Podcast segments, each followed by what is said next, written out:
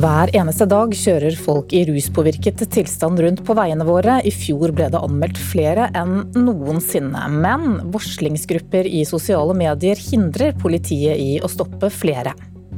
Det har blitt dobbelt så mange unge arbeidsløse det siste året. Aller mest har ledigheten økt for unge med nedsatt funksjonsevne. og Nå skal en egen kampanje bidra til å dempe forskjellene. Og I dag starter rettssaken mot politimannen som er tiltalt for å ha drept George Floyd. Politiet forbereder seg nå på nye opptøyer.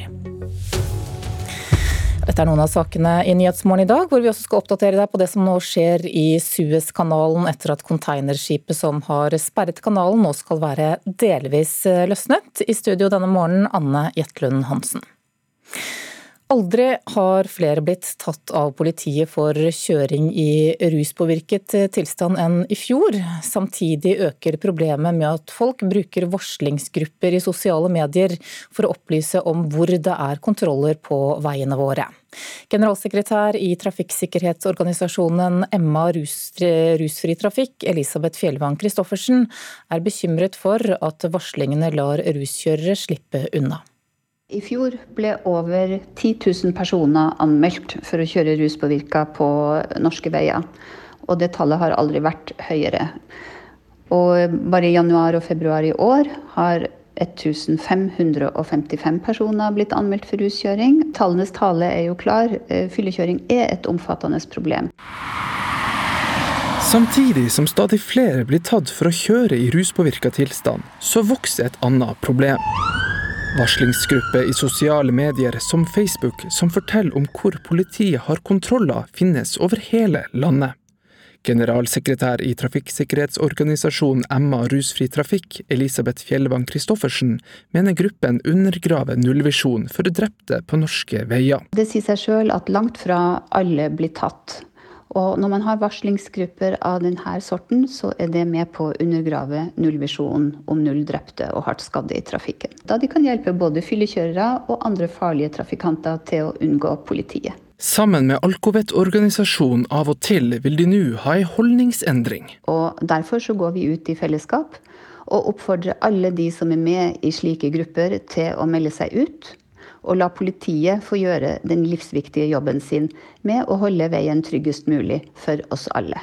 Daglig foretas det rundt 140 000 kjøreturer i rus på norske veier. 14 000 av de er i alkoholrus, sier generalsekretær i Av og til, Randi Hagen Eriksrud. Og politiets kontroller de er jo til for å hindre dem fra å gjøre skade. Mens disse Facebook-gruppene er der for å la dem fortsette.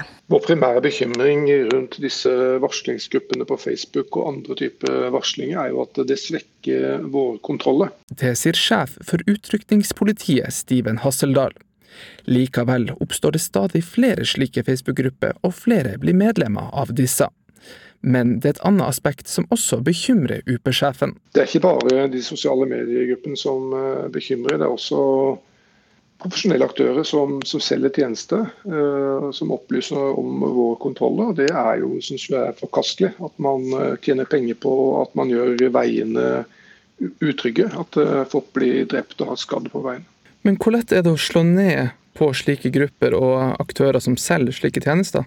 Nei, det er jo ikke ulovlig. Verken å selge disse tjenestene eller å delta i eh, si, sosiale mediegrupper. Så det er egentlig bare å appellere til sunn fornuft uh, og tenke over konsekvensene av hva man faktisk bidrar til. Og jeg tror de færreste ønsker å bidra til flere ulykker, men det er det man i realiteten gjør når man deltar i slik aktivitet.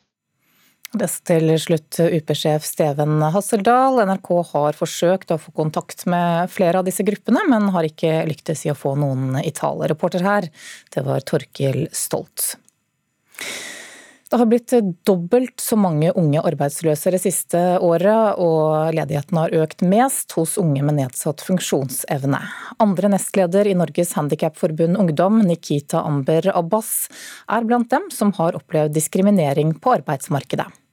Både har jeg hørt historier, og jeg har selv også opplevd veldig mye diskriminering, egentlig. Eh, hvor jeg da har følt at jeg automatisk har blitt ansett som en person som ikke er i stand til å utføre oppgaver på egen hånd. Nikita Amber Abbas er andre nestleder i Norges Handikapforbund Ungdom. Abbas sitter i rullestol og har opplevd diskriminering når hun har søkt jobb. For meg er det essensielt å kunne få gå ut i jobb og tjene penger, for ellers så har ikke jeg penger til å leve i denne leiligheten jeg trenger å leve i. da. Hun tror mangel på kunnskap om tilrettelegging er en grunn til det. Folk bare har vært litt mer opplærte i bl.a. f.eks. hvordan søke om eh, en tilrettelagt pult da, for en eventuelt ansatt.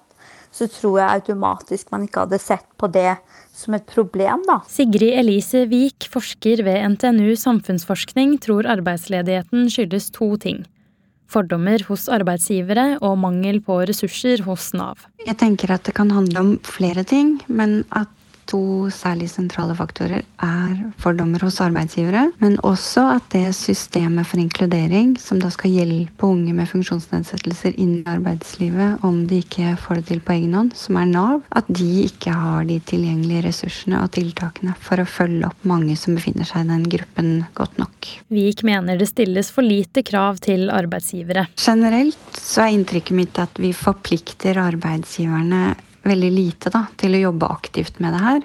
At man bare satser på oppmuntring. Arbeidsledigheten blant mennesker med funksjonsvariasjoner har økt under koronapandemien. Derfor ønsker regjeringen å sette i gang en kampanje som skal hindre at bl.a. mennesker med funksjonsnedsettelser skal havne lenger bak i køen når man søker jobb. Vik mener det trengs større tiltak enn kun informasjon, men at oppmerksomhet rundt utfordringene er positivt. Jeg er usikker på om vi egentlig kan komme så veldig langt bare med å informere. Men jeg tenker at oppmerksomhet om utfordringen i seg selv er positivt. Abbas mener en kampanje er en start, men ikke nok. Jeg tenker det er på tide at vi handler nå. Ehm, for det er mange som har holdt kampanjer om dette. Og jeg syns det er veldig bra at arbeidsministeren ønsker å holde den kampanjen, men jeg tenker det er bare en start, altså. Reporter her, det var Anita Kristiansen. Arbeids- og sosialminister Torbjørn Røe Isaksen, god morgen. God morgen. Bare en start, hører vi Abbas eh, si her. Hva slags kampanje er det dere nå er i gang med å dra i gang? Det er en kampanje som heter Se muligheter, og vi gjør det i samarbeid med bl.a. en del av organisasjonene som eh, organiserer de som har et eller annet form for tilpasningsbehov. Og Det handler om to ting. egentlig. Det første er at eh, vi skal ut av korona. Norge skal åpne igjen, og vi må hindre at koronakrisen blir en utenforskapskrise.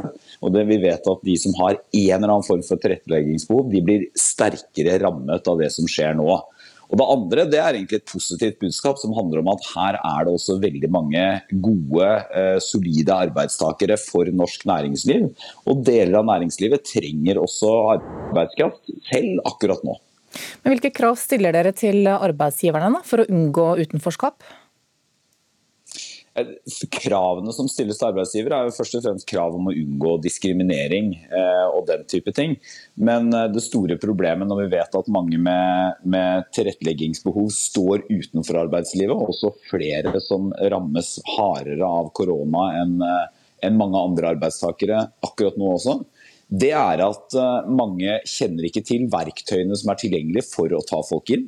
Mange er skeptiske eh, fordi at, eh, fordi at, de er redd for at her blir det mye knot for eh, virksomheten. Og mange er kanskje skeptiske også fordi de, de er, ja, mangler informasjon. Så det er det vi har lyst til å løse og gjøre noe med i denne kampanjen. Men så har vi også mange andre verktøy og andre prosjekter, så jeg er jo enig i at eh, en kampanje i seg selv det kan bare være et lite bidrag, eller en start, som en av bidragsyterne i innslaget sa. Mm, men så hører vi forskeren her si at grunnen til at f.eks. mennesker med nedsatt funksjonsevne ikke får jobb, da, i hovedsak skyldes fordommer hos arbeidsgivere og mangel på ressurser hos Nav. og Det er vel det som er en del av problemet her? Jeg ville, vært, eh, jeg ville vært, eh, forsiktig med å si fordommer om alle arbeidsgivere. For det, for det første vet vi at veldig mange arbeidsgivere er interessert i å ansette. Og for det andre så vet vi at eh, mange er bekymret unødig, vil jeg si, for at uh, dette skal være for vanskelig f.eks. For, for dem som en liten virksomhet. Så Det vi ønsker i denne kampanjen, det er å vise fram alle de positive mulighetene. Uh, her er det sånn at uh, det finnes veldig mange arbeidstakere som med noen små knepp for å tilrettelegge, kan bidra som solide, produktive arbeidstakere i norsk arbeidsliv, hvis man bare ser mulighetene. Men er, noen, eh, men er, det noen, grunn til å tro at arbeidsgivere som ikke har ansatt personer med f.eks. nedsatt funksjonsevne, kommer til å tenke annerledes nå når vi står midt i en pandemi? Eh, det er, en, det er nok en del som, eh, som, akkurat nå ikke har muligheten til å ansette noen. og Det må vi jo bare erkjenne. Men samtidig så er jo pandemien et veldig viktig bakteppe her. For vi skal gjennom dette. Norge skal åpne opp, og da må vi hindre at koronakrisen også blir en utenforskapskrise. Og Da er det ikke minst, eh, når vi skal begynne å få, eh, skape nye arbeidsplasser og få enda flere inn i jobb, så er det viktig at vi klarer å gjøre dette samtidig som vi får arbeidsledigheten ned. Og så tror jeg også at eh, mange arbeidsgivere hele tiden er mottakelige for et budskap om hvordan de skal få gode ansatte som de trenger. Og Husk også at noen bransjer, de vi primært retter oss mot i denne kampanjen når vi starter nå, de trenger arbeidskraft. Ikke om eh, et halvt år, men nå. Men Forskeren i innslaget sier jo at Nav ikke har de tilgjengelige ressursene og tiltakene eh, som trengs da, til å følge opp personer i utsatte grupper. Eh, er du enig i det? Nei, jeg er ikke enig i det. Og hun sa vel at hun spekulerte om det kunne være en årsak. Nav har jo ressurser og verktøy for å bidra til å få folk inn i jobb. Eh, og Nav er jo også blant de som, eh, som, backer opp under dette arbeidet, støtter opp under dette arbeidet. Og Et av målene for meg som statsråd er jo at hvis man, eh, hvis man ansetter en arbeidstaker som har et eller annet tilretteleggingsbehov, så skal det være så enkelt og ubyråkratisk som mulig for virksomheten å få gjort den tilretteleggingen. Enten det er fysisk IT-utstyr eller på annen måte. Fordi at det er sånn man kan sikre at produktive og gode og dyktige arbeidstakere eh, faktisk får en mulighet i arbeidslivet. Takk skal du ha, arbeids- og sosialminister Torbjørn Røe Isaksen.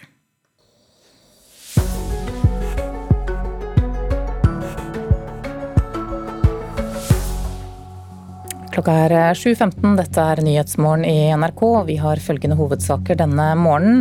Aldri har flere blitt tatt av politiet for kjøring i ruspåvirket tilstand enn i fjor. Varslingsgrupper i sosiale medier gjør at flere slipper unna, mener politiet. Det siste døgnet er det registrert 681 koronasmittede i Norge.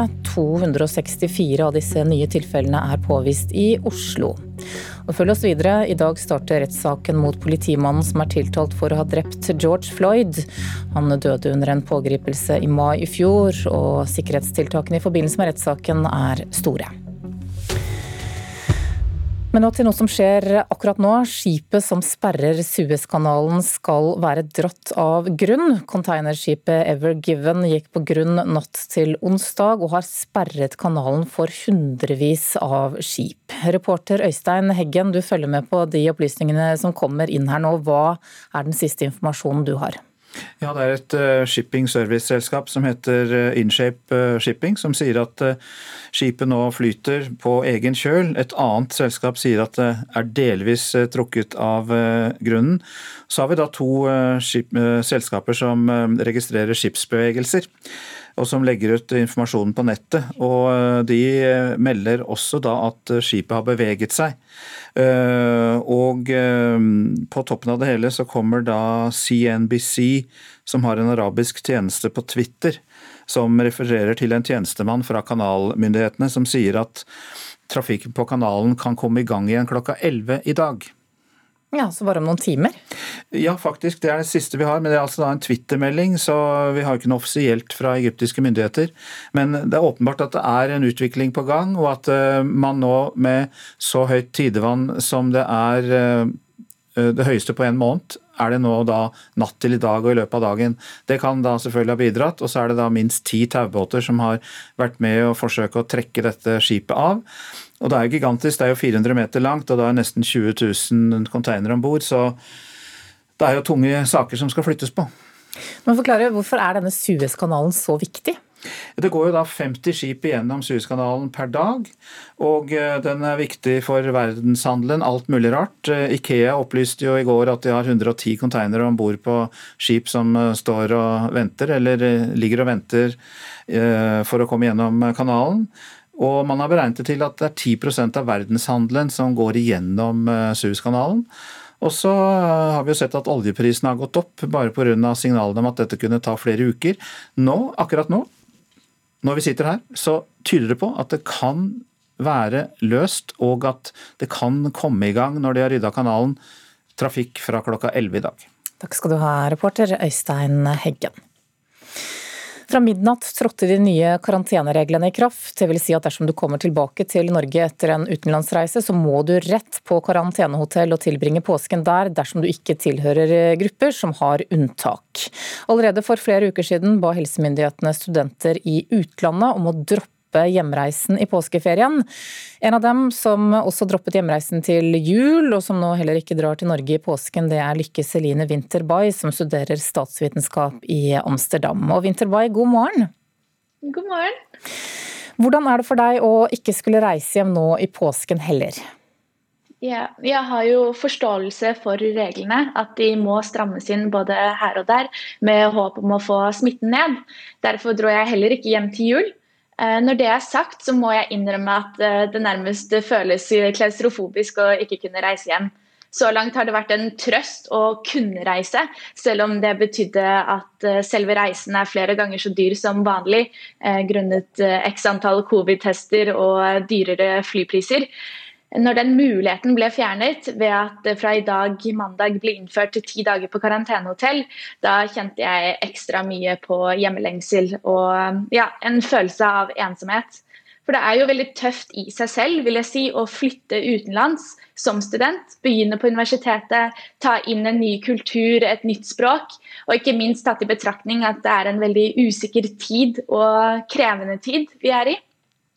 Det er da mer enn noensinne godt å ha en familie å søke til. Og det blir jo tungt over eh, Zoom og FaceTime. Hvordan blir påsken for deg da? Hva gjør du? Eh, jeg blir i Amsterdam, jeg. Eh, jeg har fulgt opp også med Zoom-seminarer fra universitetet. Men kanskje jeg kjøper meg et påskeegg eller to som et lite plaster på såret. Hvordan syns du informasjonen fra norske myndigheter har vært da, for dere som eh, studerer i utlandet? Det er ingen tvil om at dette er en ny uh, upløyd mark for oss alle. Noe jeg synes informasjonen bærer preg av. Det blir jo holdt mange pressekonferanser og er stadig nye bestemmelser både i Norge og i Nederland. Det var kanskje lettere å følge med i starten, da det var felles regler for hele Norge. Selv om det så klart er fint at landet kunne åpne igjen eh, andre steder. Nå kommer jo jeg fra Oslo, som de siste fem månedene har hatt en, de strengeste tiltakene. Og følger hovedsakelig med på hva familien eh, kan og ikke kan gjøre. Men for oss studenter er det jo det viktigste å følge med på om vi faktisk kan reise hjem eller ikke. Ja, hvordan er smitteverntiltakene i Amsterdam? For øyeblikket så er det portforbud klokken ni på kvelden. Eh, restauranter, barer, kafeer, butikker er stengt. De er åpent for takeaway, eh, og noen butikker har eh, slik at du kan gjøre en avtale på forhånd for å komme inn på en liten shoppingtur. Ellers så er det hovedsakelig apotek og matbutikk som er åpent. Og vi ser dessverre heller ikke senkende smittetall her. Når tror du at du kommer deg hjem til Norge igjen? Jeg krysser jo fingrene for at det blir en norsk sommer i år, da. Ok, Da sier vi lykke til, eh, Lykke Celine Winterbay med oss fra Amsterdam. Videre til USA. I dag starter rettssaken mot politimannen som er tiltalt for å ha drept George Floyd. Floyd eh, døde da han ble pågrepet av politiet i mai i fjor.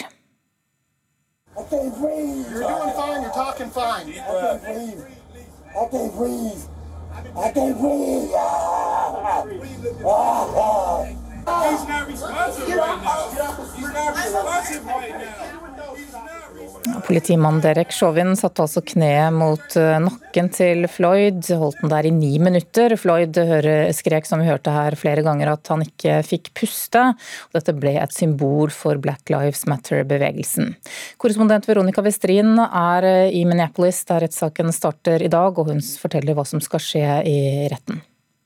I dag så starter jo åpningsargumentene i rettssaken mot politibetjenten som holdt kneet sitt mot George Floyds hals i rundt eh, ni minutter. Og det er jo nå ti måneder siden han døde, og hans siste ord 'I can't breathe' har jo blitt eh, trykket på T-skjorter og skrevet på vegger og brukt i demonstrasjoner verden over. Dødsfallet hans uh, satte jo i gang en stor bevegelse her i Minneapolis og så over hele USA, som også spredte seg til resten av verden for å få slutt på diskriminering av svarte. Men hva er det denne politimannen er tiltalt for å ha gjort? Derek Chauvin er tiltalt for tre forhold som omfatter både forsettlig og uaktsomt drap. og Han risikerer altså flere tiår i fengsel. Eh, han har erkjent seg ikke skyldig. Men det er jo ikke vanlig at en politimann eh, blir dømt for drap i tjenesten, eller i det hele tatt at eh, en slik sak ender i rettssystemet her i USA. Eh, og Chauvins forsvarere er jo noen av de fremste ekspertene på slike saker.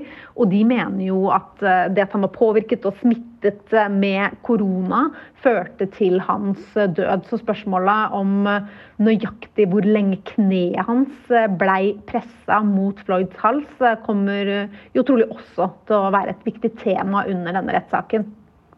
Hvor lenge er det ventet at rettssaken skal pågå?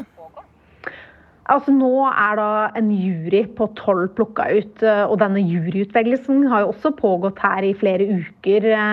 Um, juryen består av ni kvinner og seks menn. Uh, ni av dem er hvite, fire svarte og to av mixed race, som de kaller det her. Eh, de er spett i alder fra 20-åra opp til 60-åra. Det er jo de som nå skal ta stilling til de fakta som blir lagt fram eh, under denne saken. Og det er venta at den vil vare i en måneds tid. Men det snakkes altså om alt fra to til fire uker her.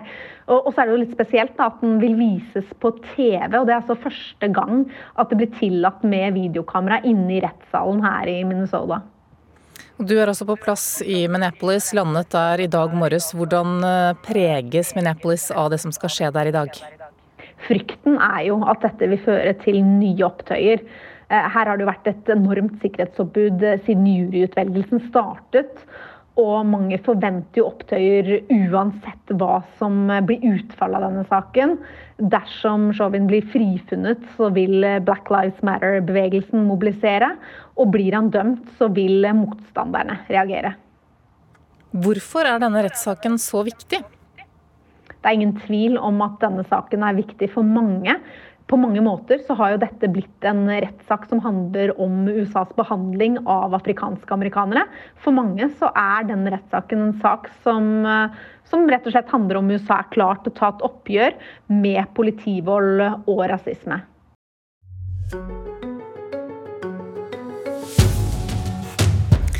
Om snaut 20 minutter så er det klart for Politisk kvarter her i Nyhetsmorgen. Og i dag så skal dere snakke om regjeringens reform for videregående skole. Men denne sendingen Astrid Ronden, den eh, blir ikke helt sånn som du hadde tenkt? Nei, den ble ikke det. I går formiddag så avtalte jeg med kunnskapsministeren at hun skulle komme til Politisk kvarter for å diskutere innholdet i denne reforma som de la fram på fredag. Altså.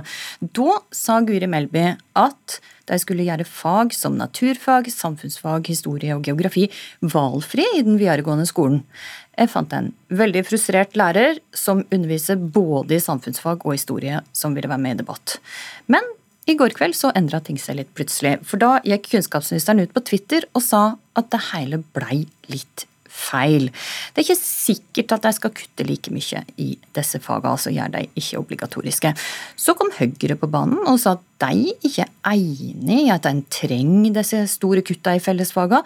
Så de er altså ikke helt enig i den reformen som regjeringa sjøl la fram. Så i Politisk kvarter i dag så kommer kunnskapsministeren, skolepolitisk talsperson i Høyre, og den frustrerte læreren, og vi skal forsøke å få klarhet i hva de egentlig vil. Okay, om 20 minutter altså her i Nyhetsmorgen. Folkehøyskolene er kanskje de store koronavinnerne. I Nord-Norge opplever eh, folkehøyskolen iallfall stor pågang nå under pandemien. Ved Alta folkehøyskole forteller elevene om stor frihet og en tilnærmet normal skolehverdag. Isklatreveggen på utsida av Alta folkehøgskole slår Elin Marie Westgård fra Oslo ishaka hardt inn i den kompakte isen for å gjøre seg klar til å bestige toppen. Mens familie og venner hjemme lever under strenge restriksjoner, kan 19-åringen boltre seg med masse spennende aktiviteter på en av landets nordligste folkehøyskoler. Jeg tror jeg har hatt veldig flaks, virkelig. Jeg tror dette er en av de beste stedene man kan være. Mens studenter flest har lagt bak seg et år prega av isolasjon og lite sosial kontakt, kan Elin se tilbake på et år som har vært tilnærma normalt. Ja, det er veldig deilig. For det meste så er vi jo her oppe, og da er vi jo Ja, så lenge vi er isolerte her, så er det veldig fint. Da er det egentlig akkurat som normalt, på en måte. Ifølge daglig leder for det landsdekkende informasjonskontoret for folkehøyskolene, Dorte Birk, har folkehøyskolene som satser på norsk friluftsliv, opplevd en stor økning under koronapandemien. Og særlig merker skolene i den nordlige landsdelen denne effekten. Vi ser en kraftig økning eh, i søkere til de eh, nordnorske folkehøyskolene.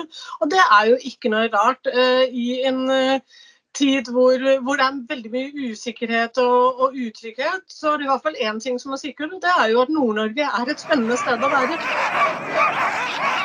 I hundegården på Alta folkehøgskole står et kobbel med ivrige hunder. Svett i håret og med kniven hengende i beltet tar Ole Anders Bjørkøy seg tid til en kjapp prat. Jeg fikk eh, lov til å komme på besøk eh, til min bror som gikk her før. Og ble helt, egentlig helt forelska både i hundene og naturen og det de holdt på med her. Så det er egentlig det som gjør at jeg kom hit. Reporter her, det var eh, Hanne Larsen. Klokka nærmer seg 7.30 nå. Vi skal straks ha Dagsnytt ved Tone Nordahl.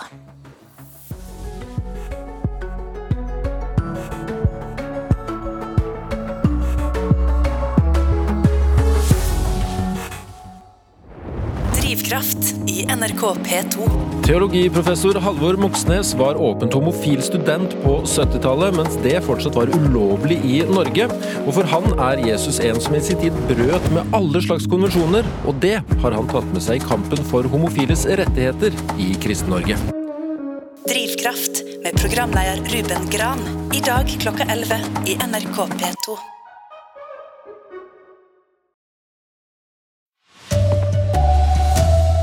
Det gigantiske skipet som sperret Suezkanalen skal være dratt av grunn.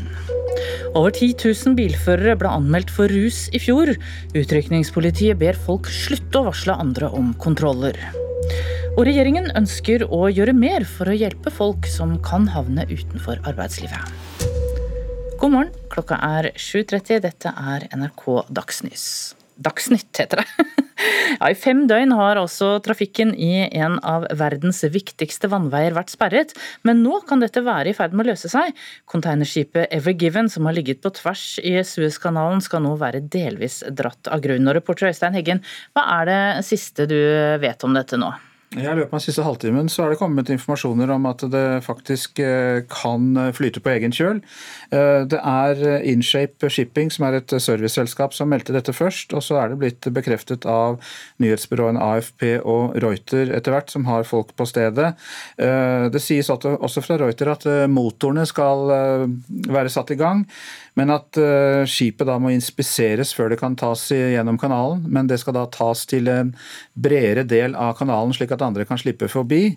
Uh, og så er det da faktisk lederen for de maritime myndighetene i uh, Egypt, eller for kanalmyndighetene, som sier til CNBC, altså nyhetsselskapet CNBC, CNBC som har en arabisk service, på Twitter, der det blir sagt at kanalen kan åpnes igjen klokka 11 i dag. Og det er jo veldig interessant at eh, når det først eh, da åpenbart er på egen kjøl, at man kan klare å få i gang trafikken såpass raskt. Ja, hvorfor er eh, Suezkanalen så viktig? Ja, Det går jo minst 50 skip gjennom kanalen på daglig basis, og den utgjør 10% av verdenshandelen, den trafikken som går gjennom der. Vi har sett at oljeprisene har gått kraftig opp fordi det har vært stengning nå i fem døgn. Og det har jo vært snakk om at ja, Ikea f.eks. har 110 konteinere som ligger på skip og venter. Eh, dette ene skipet som er 400 meter langt, Ever Given, har jo nesten 20 000 konteinere. Det betyr veldig mye for verdenshandelen å få den trafikken i gang igjen. Takk, Øystein Heggen. Aldri før har flere blitt tatt av politiet for kjøring i ruspåvirket tilstand enn i fjor. Da var det over 10 000 anmeldte. Samtidig øker problemet med at folk bruker varslingsgrupper på sosiale medier for å fortelle andre om hvor det er kontroll. Generalsekretær i trafikksikkerhetsorganisasjonen Emma Rusfri Trafikk, Elisabeth Fjellvang Christoffersen, er bekymret for at dette skal bidra til at flere ruskjørere slipper unna. Bare i januar og februar i år har 1555 personer blitt anmeldt for ruskjøring. Tallenes tale er jo klar. Eh, fyllekjøring er et omfattende problem.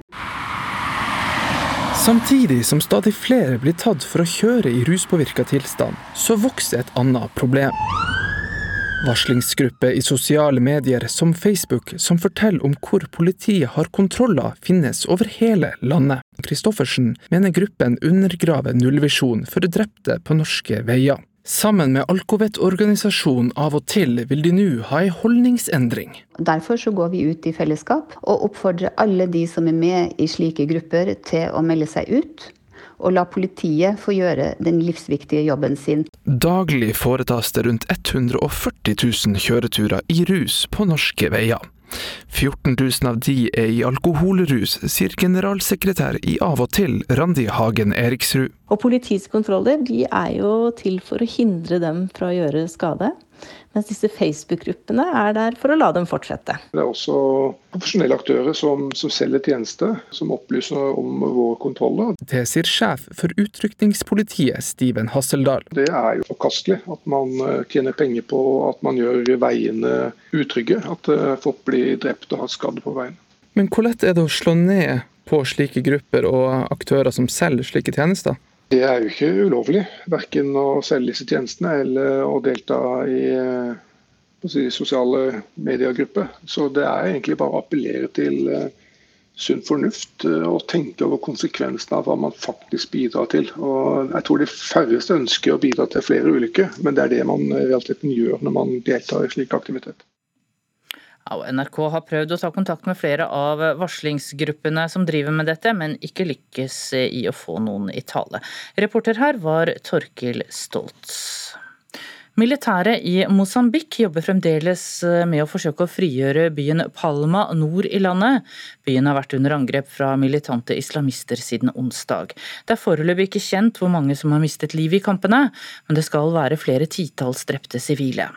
Mosambik har satt inn soldater og hyret et sørafrikansk militærselskap, som nå forsøker å drive jihadistene tilbake og redde sivile. Arbeidsløsheten har doblet seg for unge under koronapandemien, og den har økt mest hos folk med ulike funksjonsnedsettelser. Andre nestleder i Norges Handikapforbund Ungdom, Nikita Amber Abbas, er blant dem som har opplevd diskriminering i arbeidslivet. Både har jeg hørt historier, og jeg har selv også opplevd veldig mye diskriminering, egentlig. Nikita Amber Abbas er andre nestleder i Norges Handikapforbund Ungdom. Abbas sitter i rullestol og har opplevd diskriminering når hun har søkt jobb. Hun tror mangel på kunnskap om tilrettelegging er en grunn til det. Folk bare har vært litt mer opplært i bl.a. f.eks. hvordan søke om eh, en tilrettelagt pult da, for en eventuelt ansatt så tror jeg automatisk man ikke hadde sett på det som et problem, da. Sigrid Elise Wiik, forsker ved NTNU samfunnsforskning, tror arbeidsledigheten skyldes to ting. Fordommer hos arbeidsgivere og mangel på ressurser hos Nav to særlig sentrale faktorer er fordommer hos arbeidsgivere, men også at det systemet for inkludering, som da skal hjelpe unge med funksjonsnedsettelser inn i arbeidslivet om de ikke får det til på egen hånd, som er Nav, at de ikke har de tilgjengelige ressursene og tiltakene for å følge opp mange som befinner seg i den gruppen godt nok. Arbeidsledigheten blant mennesker med funksjonsvariasjoner har økt under koronapandemien. Derfor ønsker regjeringen å sette i gang en kampanje som skal hindre at bl.a. mennesker mennesker med funksjonsnedsettelser skal havne lenger bak i køen når man søker jobb. Abbas mener en kampanje er en start, men ikke nok. Jeg synes det er veldig bra at arbeidsministeren ønsker å holde den kampanjen, men jeg tenker det er bare en start, altså. Reporter her Anita Kristiansen. Og arbeidsminister Torbjørn Røe Isaksen sier norske arbeidsgivere trenger hjelp for å greie å ansette flere med funksjonsnedsettelser. Mange kjenner ikke til verktøyene som er tilgjengelige for å ta folk inn. Mange er skeptiske fordi de er redd for at her blir det mye knot for eh, virksomheten. Så Det vi ønsker i denne kampanjen, det er å vise fram alle de positive mulighetene. Det finnes veldig mange arbeidstakere som med noen små knepp for å tilrettelegge, kan bidra som eh, solide, produktive arbeidstakere i norsk arbeidsliv, hvis man bare ser mulighetene. Men er det noen grunn til å tro at arbeidsgivere som ikke har ansatt personer med f.eks. nedsatt funksjonsevne, kommer til å tenke annerledes nå når vi står midt i en pandemi? Det er nok en del som akkurat nå ikke har muligheten til å ansette noen. og Det må vi jo bare erkjenne. Men samtidig så er jo pandemien et veldig viktig bakteppe her. For vi skal gjennom dette. Norge skal åpne opp, og da må vi hindre at koronakrisen også blir en utenforskapskrise. Så til Eurovision Song Contest. Årets deltaker fra Sverige håper nå blir den første svarte soloartisten som vinner musikkonkurransen.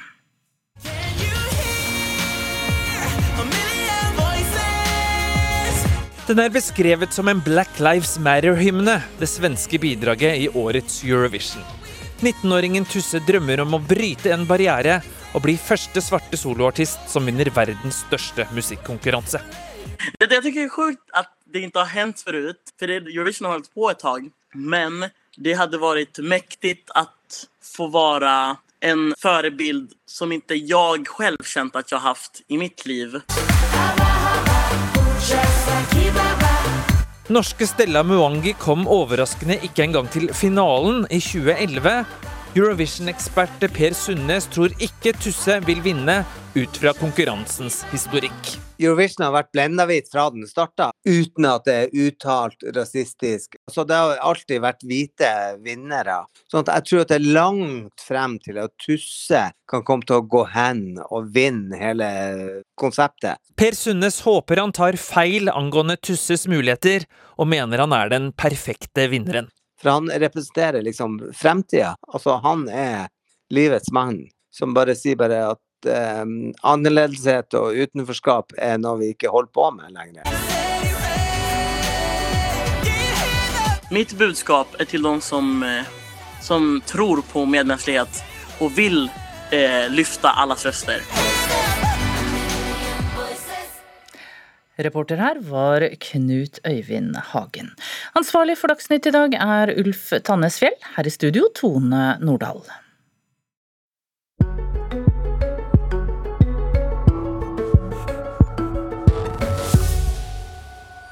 Klokka er 7.40 nå, dette er Nyhetsmorgen. Kan det være sånn at det å dele skoleklasser inn i kohorter nå under pandemien kan ha ført til mindre mobbing? Statsforvalterne får iallfall færre saker som gjelder mobbing nå, og mobbeombudet i Vestfold og Telemark ser at skolene fanger opp mer av den skjulte mobbingen når elevene er delt i mindre grupper. På Lunde barneskole i Skien synes elevene det både er bra, men også litt dumt å være inndelt i mindre grupper. Siden man blir jo færre når man ikke er alle sammen i samme trinn. Så derfor blir eh, det sånn at eh, lærerne kan oppdage det bra og fort. Fordi at eh, hvis vi er sånn 17 eller 18 eller 20, da kan kanskje læreren se seg litt rundt og kan sjekke det. Elevene på Lunde barneskole i Skien har måttet venne seg til en ny skolehverdag med smitteverntiltak og undervisning i mindre grupper. Men restriksjonene har også ført til noe positivt, sier rektor Line Refsdal. Det vi opplever er vel at det er færre eh, saker som blir meldt, eh, og færre aktivitetsplaner som er eh, i omløp. Det er jo ting som tyder på at, eh, at eh, elever opplever at det er tryggere på skolen eh, sånn som skoledagen er organisert akkurat nå. I situasjoner der elever til vanlig er mer alene, er de voksne nå tett på og kan følge med på hva som skjer. Det gjør at det også føles tryggere for barn å si fra, sier miljøterapeut Lene Melby. Og når det er de voksne som kjenner barna best, som er ute med elevene, så vet man også gjerne hva man skal se litt etter. Og hvem som kanskje trenger et ekstra blikk, hvem som trenger litt ekstra trygghet. Og jeg tror det er mer trygghet for, for barna òg å kunne tørre å spørre om hjelp dersom man trenger det. Statsforvalterne i landet har fått inn færre mobbesaker under koronapandemien. I Vestfold og Telemark har de fått inn nesten 50 færre saker i 2020 sammenlignet med 2019. Utdanningsdirektør Kari Evensen tror nedgangen har sammenheng med at færre elever har vært fysisk på skolen, men også at skolene er bedre til å jobbe med mobbesaker. Og De sakene som havner hos oss, så ser vi at det er gjort mye godt arbeid. Både når det gjelder å følge med og fange opp og varsle og alt det de skal gjøre. Sånn at jevnt over så tror vi at nedgangen, det håper vi i hvert fall, også skyldes at det jobbes bedre på skolene. Ifølge mobbeombudet i Vestfold og Telemark fanger skolene opp mer av den skjulte mobbingen, fordi elevene er delt opp i mindre grupper. Nesten alle mobbeombudene i landet melder om samme tendens, sier mobbeombud Kaja Vintervold Asmer i Vestfold og Telemark. Og Det er en tydelig tendens til at de voksne i skolen fanger opp mer, særlig av de sakene som, som ikke er helt åpenbare og lett å, å, få med seg uten at man er tett på ungene over tid. Eh, og, og blir kjent med dynamikken gjennom ungene og ser de, de små signalene som ofte er vanskelig for, for barn å videreformidle og, og vise fram til de voksne. Rektor Line Refsdal ser at det er bra med voksne tettere på, men vil ikke anbefale at koronatiltakene fortsetter etter pandemien. Vi ønsker oss ut av en koronasituasjon, for det er mange ting vi nå ikke kan gjøre på skolen som vi gjerne skulle ha gjort. Men det er klart at vi kan hente ut eh, erfaringer nå som vi kan eh, ha stor nytte av for seinere. Og elevene ser både fordeler og ulemper med å være færre sammen. Det er kanskje bitte litt bra og bitte litt dårlig, fordi det blir jo mindre mobbing. Og så, og så savner flere i klassen eller noen andre elever savner de i andre klassene. Det var reporter Vigdis Hella som hadde snakket med Paramis Arpane Liv Johansen Ona og Malia Ostork Bolat i fjerde klasse ved Lunde barneskole i Skien.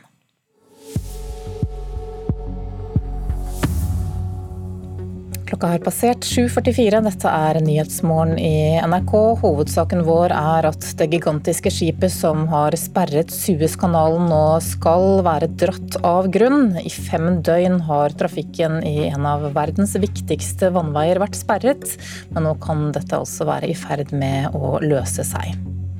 Over 10 000 bilførere ble anmeldt for ruskjøring i fjor. Utrykningspolitiet ber nå folk om å slutte å varsle andre om kontroller.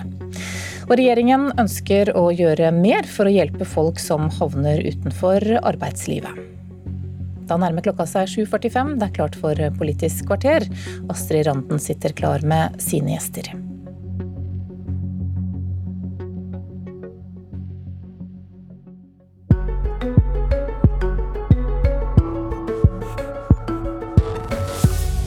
Regjeringa sa de ville droppe historie, kroppsøving, geografi og samfunnsfag som obligatoriske fag i den videregående skolen på fredag. Men i helga har lærerne rasa, opposisjonen sagt de vil stoppe det, og nå sier kunnskapsministeren det hele blei litt feil. Men hva vil de egentlig?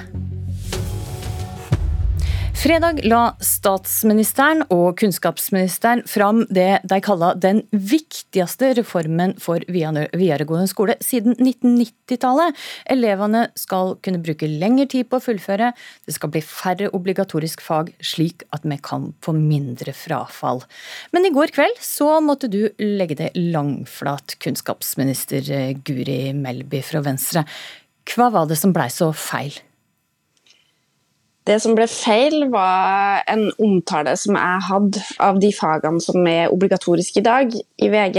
Eh, der eh, tror jeg det var en setning som sa et eller annet om at det her var mindre fag. Det jeg mente da, var jo at det er fag som ofte har relativt lavt timetall i dag i videregående opplæring. Eh, men det er viktig å understreke at det her ikke er fag som ikke er viktig.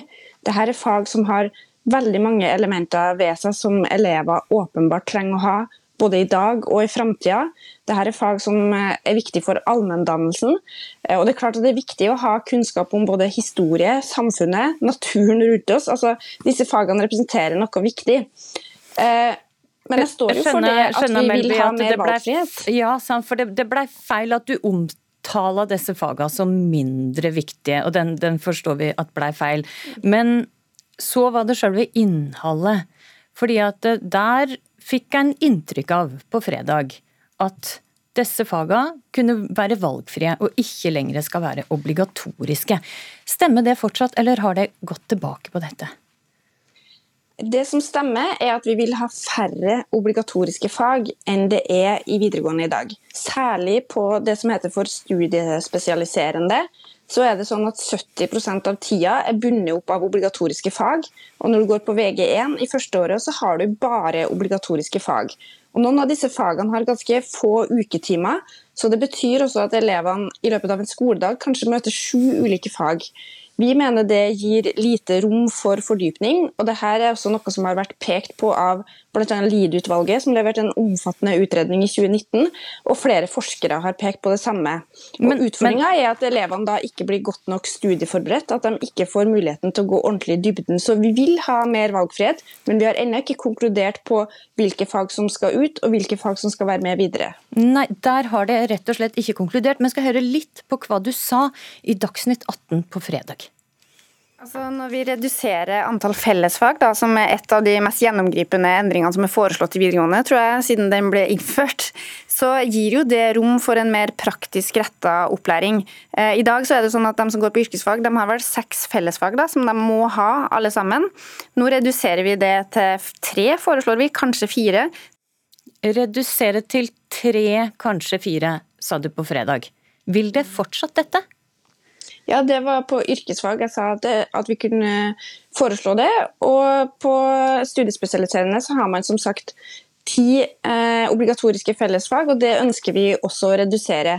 Men det vi sier Hvor mange fag skal være igjen på studiespesialiserende, da? Vi har sagt at det må være minst fire fag som er felles for alle, men det kan også godt hende at det skal være flere enn det. Eh, det vi nå sier i stortingsmeldinga, er at vi skal sette i gang en utredning av det her både hvilke fag som skal være obligatorisk for alle, hvor mange timer man skal ha i det faget.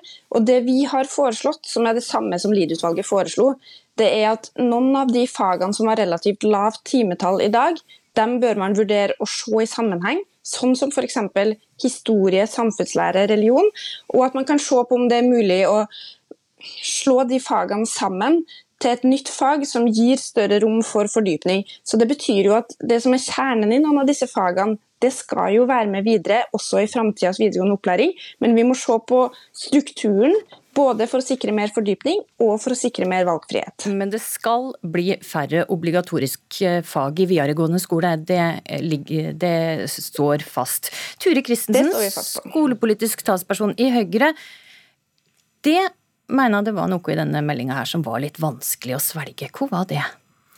Det var vel egentlig ingenting i meldingen som var vanskelig å svelge. Eh, det som står der er eh, vi helt enig i. Det står de ikke helt inne for? Det står vi inne for. For det er veldig viktig at vi faktisk klarer å skape rom for mer valgfrihet for elevene og mer fordypning.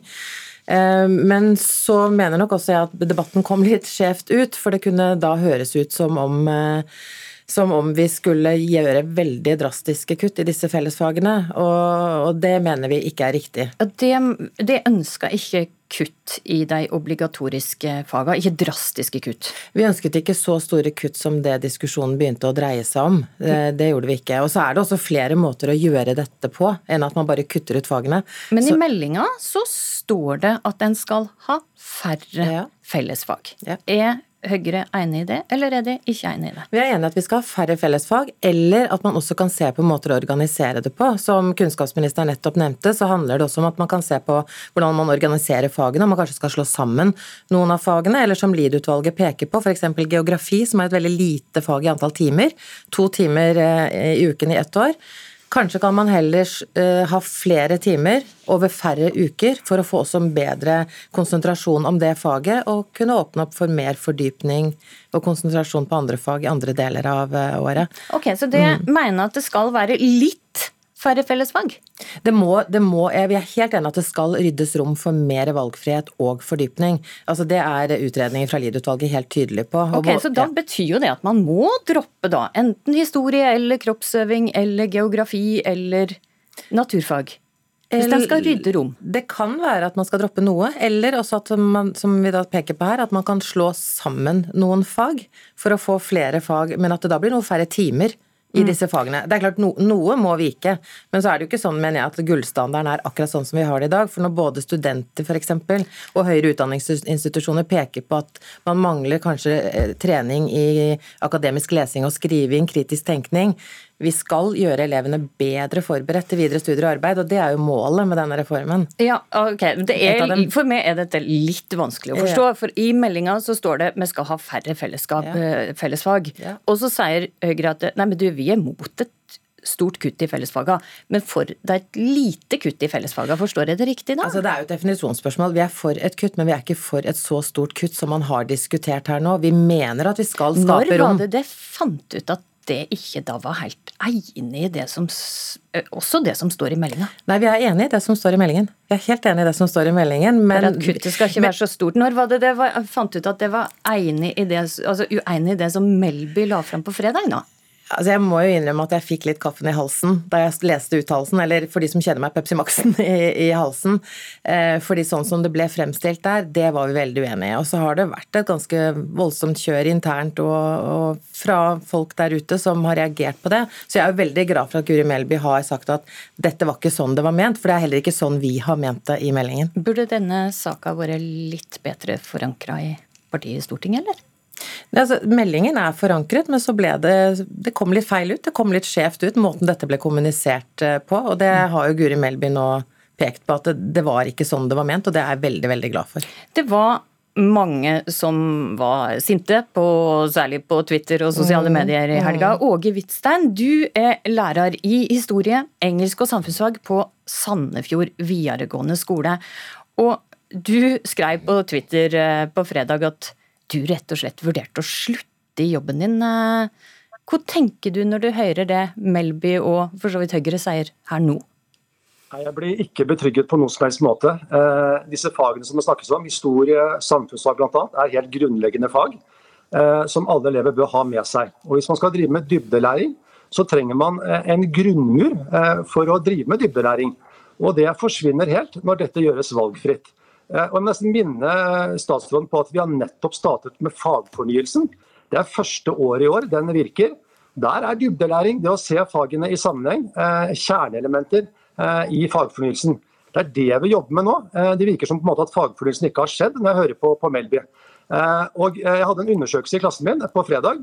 Hvis de kunne velge bort noen fag, slik som det er foreslått, så ville ca. halvparten valgt bort fremmedspråk. Eh, og I den globaliserte verden vi lever i i dag, så må fremmedspråk være helt avgjørende. 30-40 eh, hadde valgt bort historie.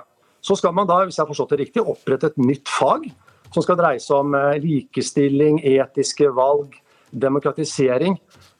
Det blir veldig vanskelig hvis man ikke har den grunnmuren som f.eks. historie og samfunnsfag gir oss. Så jeg er sterkt bekymret for det som utdanningsministeren kommuniserer her. Mm, Guri Melby, hva svarer du Hvitstein her? For det første så må vi huske på at De elevene som begynner på videregående, de har ti års grunnskole med seg, der mange av disse fagene har vært sentrale. Og En av de utfordringene som vi forsøker å løse her, er at veldig mange opplever at videregående bare blir en fortsettelse av det samme som de holdt på med på ungdomsskolen. Mange forventer seg faktisk at de skal på en måte gå et litt sånn hakk opp og avansere til noe som gir dem mer innsikt enn det de hadde på ungdomsskolen. Og det her er også blant de utfordringene som Lied-utvalget peker på. Eh, men, Men, du, altså, du hører bekymringa til Hvitstein her. Ja, det tar bort grunnmuren i allmennutdanninga. Nei, vi skal ikke ta bort grunnmuren. Videregående opplæring skal fortsatt ha en allmenndannende funksjon. og Derfor har vi også sagt at mange av de elementene som disse fagene består av, de skal selvsagt være med videre. Men det er jo Så ikke sånn at Så elever skal fortsatt ha obligatorisk historie på videregående skole?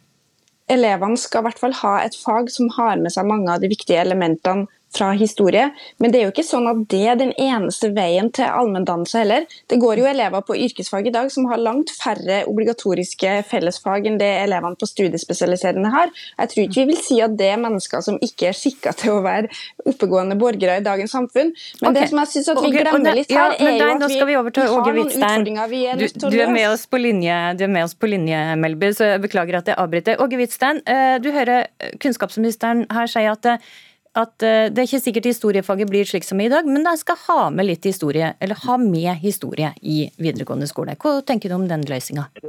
Det tenker jeg nesten faller på sin egen urimelighet. Det er i hvert fall ikke dybdelæring. At man skal ha med seg enkelte elementer i historie. Eh, det lukter overflatelæring eh, lange veier. Vi må gå i dybden. Det er det vi gjør nå. Historie er et stort fag. Det er seks timer på studieforberedende. Eh, og Da er det som jeg sa i sted, å knytte de grunnleggende elementene sammen, slik som det er i fagfornyelsen. Og bare ha med seg enkelte bruddstykker i historie, det er ikke dybdelæring. Men litt av grunnen til at de faktisk ønska dette her, Hvitstein, er jo at de ønsker at flere skal gjennomføre videregående skole. Frafallet er stort. Mm. Vil en ikke kunne hjelpe på denne problemstillinga om en tar bort noen av disse fagene? Det er, ikke, det er, ikke, riktig virkemiddel å ta bort sentrale fag for å eh, bedre fullført og bestått. Eh, dette er så sentrale fag som alle elever må ha med seg. Eh, og Det jeg frykter kanskje aller mest, er at mange elever og det er bra, vil velge de sentrale fagene. Mange elever vil ikke velge det. og Det bidrar bare til enda større forskjeller. Og Det er et samfunns oppgave å ikke la elever velge bort sentrale fag. Det kan vi gjøre nå, og det syns jeg er svært urovekkende. Mm et samfunns oppgave å ikke la elevene velge bort eh, sentrale fag. Christensen, hva er din reaksjon til det? Nei, altså først så skal vi se på hva som kan, skal kunne velges bort, men jeg, er helt enig med Guri Melby. Altså, vi må ikke glemme at disse elevene har hatt disse fagene ti år i norsk skole allerede. Det holder for mange? Det pluss noe mer på videregående. Men vi må ikke glemme hele målet med hele denne stortingsmeldingen. Det handler om at vi skal gjøre elevene bedre forberedt på studier, bedre forberedt på arbeidslivet og at vi skal få flere til å fullføre. Og Det utredningene viser, er at vi trenger å åpne opp for at det skal være noe mer valgfrihet. At man skal kunne fordype seg mer i den retningen man tenker at man skal gå videre. Det er jo, dette er også et mål.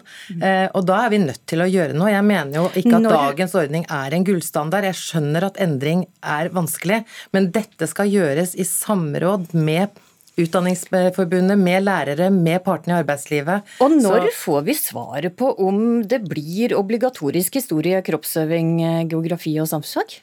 Altså, nå skal vi først eh, behandle denne stortingsmeldingen eh, i Stortinget eh, i løpet av våren. Men når skal Høyre bestemme hva det vil ha, da? Det er som jeg sier, Dette må jo da utredes videre. Dette er jo et viktig spørsmål, og dette er ikke noe politikere kan avgjøre. ok, prøver skal... med på Guri Melby, kort til slutt. Ja. Når får vi svaret på hva fag som faktisk blir obligatoriske i den videregående skolen? Altså det vi gjør i denne stortingsmeldinga, er at vi igangsetter en utredning av fag- og timefordelinga i videregående opplæring. Og det er klart at som Turid Kristensen peker på Når en... får vi svaret på hva eh, fag som blir obligatoriske, og ikke hva regjeringa går inn for? Jeg mener at det er en prosess som er nødt til å ta tid. Vi er nødt til å samarbeide med berørte aktører før vi konkluderer i et så viktig spørsmål. Ok, så, da, får vi bare vente og se, da får vi bare vente og se. Takk for at det var med i Politisk kvarter, Guri Melby, Ture Christensen og Åge Hvitstein. I studio i dag, Astrid Randen.